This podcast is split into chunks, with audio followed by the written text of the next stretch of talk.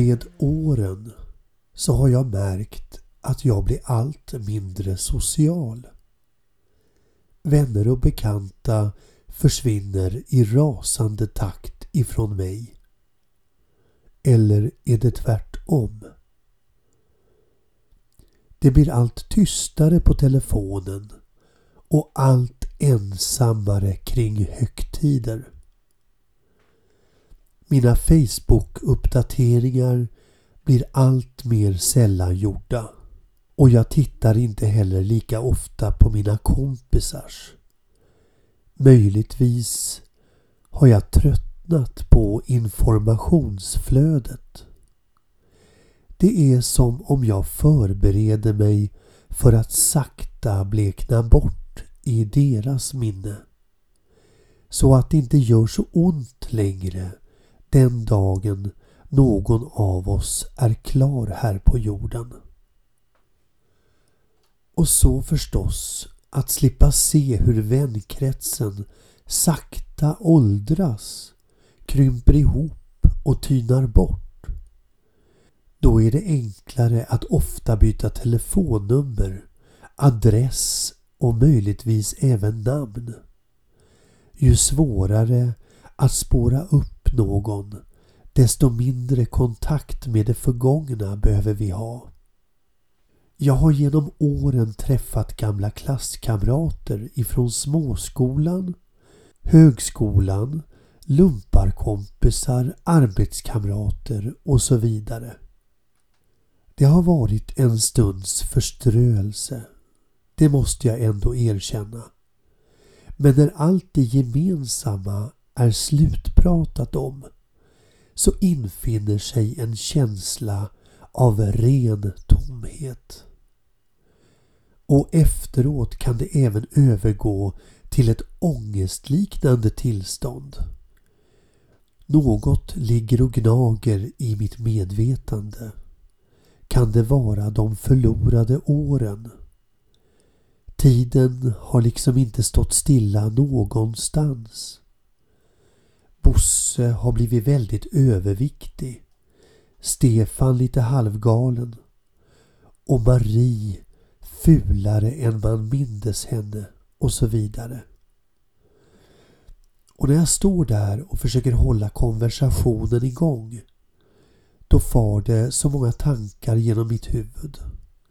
Jag ser en människa framför mig som har levt ett parallellt liv med mig. Och några år så har vi faktiskt känt varandra, träffats dagligen eller på fester.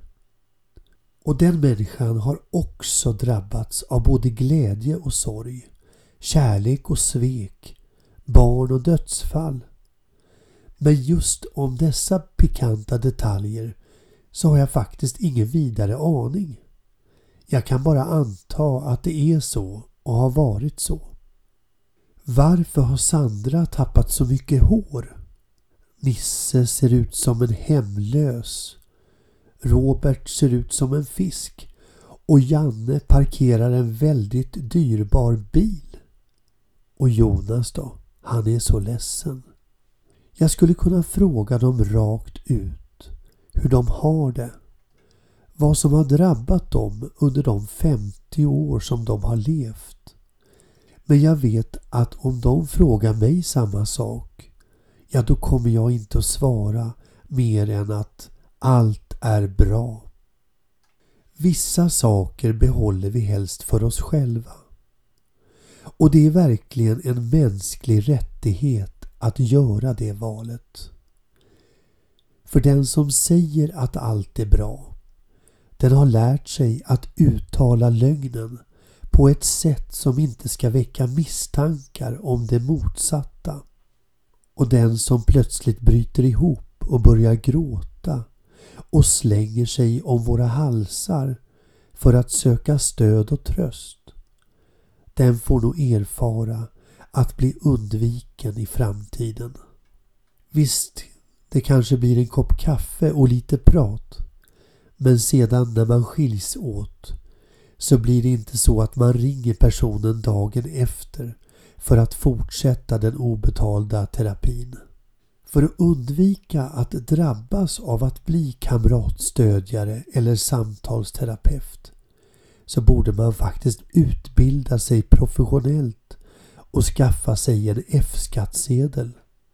När man sedan springer på sina av livet förstörda barndomsvänner eller arbetskamrater så kan man lugnt trycka ett visitkort i handen på dem och gärna hinta om timtaxan. Då klarar man sig nog ifrån framtida kontakter. Det går också bra att avsluta samtalet med att du borde nog söka hjälp och sedan skarva in. Jag känner till en riktigt bra terapeut på Söder. För tid är verkligen något som vi inte har. I alla fall inte för varandra. Vi följer tv-serier, går på spa, på bio och föreningar. Men det är vad vi orkar med. Att dessutom få någon annans problem in i våra liv, det är verkligen att be om egna. Det ringer i hemtelefonen och man svarar precis då kaffet blivit klart och man ska till och slå sig ner och titta på TV-nyheterna. Någon gråter hysteriskt i andra änden av luren och vill prata.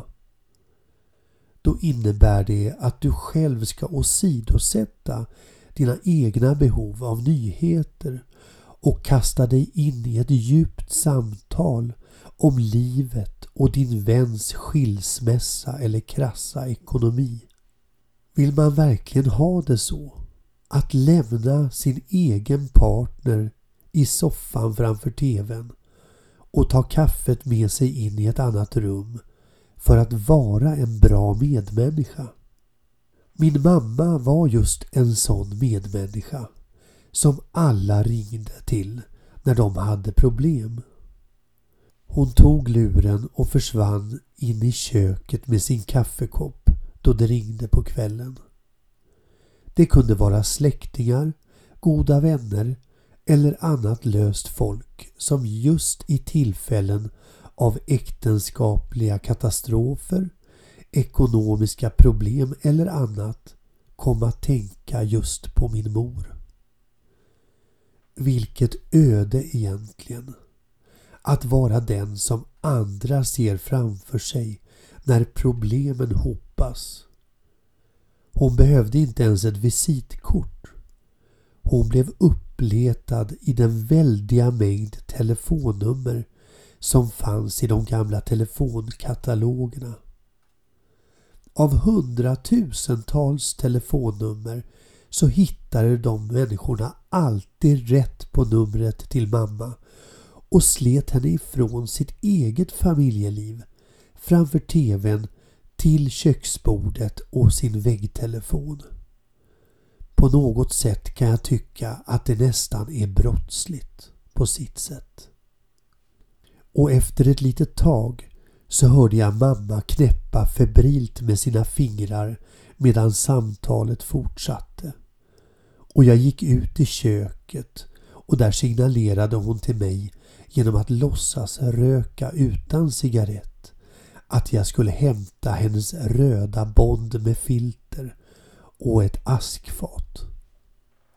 När tvn var slut och jag skulle gå och lägga mig så tog jag mitt urdruckna O'boy-glas och ställde det i diskmaskinen. Jag passerade mamma som nu satt framför en överfylld askkopp och tände en till cigarett. Hennes prat var nu väldigt nedstämt. Hon hade fyllt på sig själv med telefonörens problem och frågan är om det egentligen hade kommit någon vart i sina resonemang. Jag vinkade godnatt och gick till mitt rum och hon vinkade tillbaka. Och jag visste då att hon inte skulle komma in och säga godnatt till mig innan jag somnade. Hon skulle fortsätta att extra knäcka som obetald terapeut en stund till medan hennes egen familj fick klara sig utan henne. Var det verkligen värt den uppoffringen? Det borde jag ha vågat fråga mamma om. Och när hon dog, då slutade äntligen telefonen att ringa.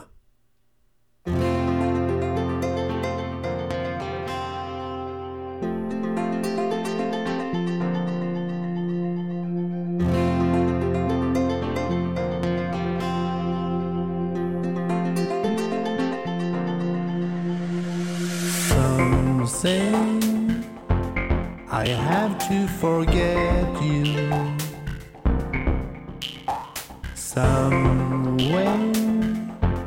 I know what I mean, but I miss you and I wish you were here now when I need you. Friends say I will be stronger. One day I'll get back my strength. But I miss you and I wish you were here now. Cause I need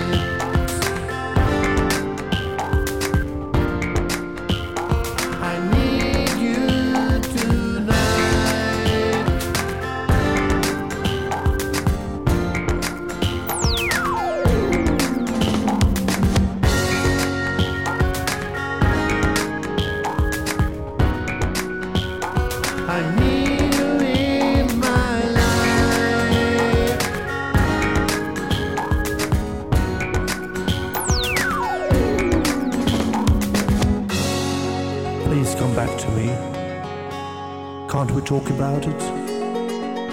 My life is really a mess. I still miss you. Please come back tonight.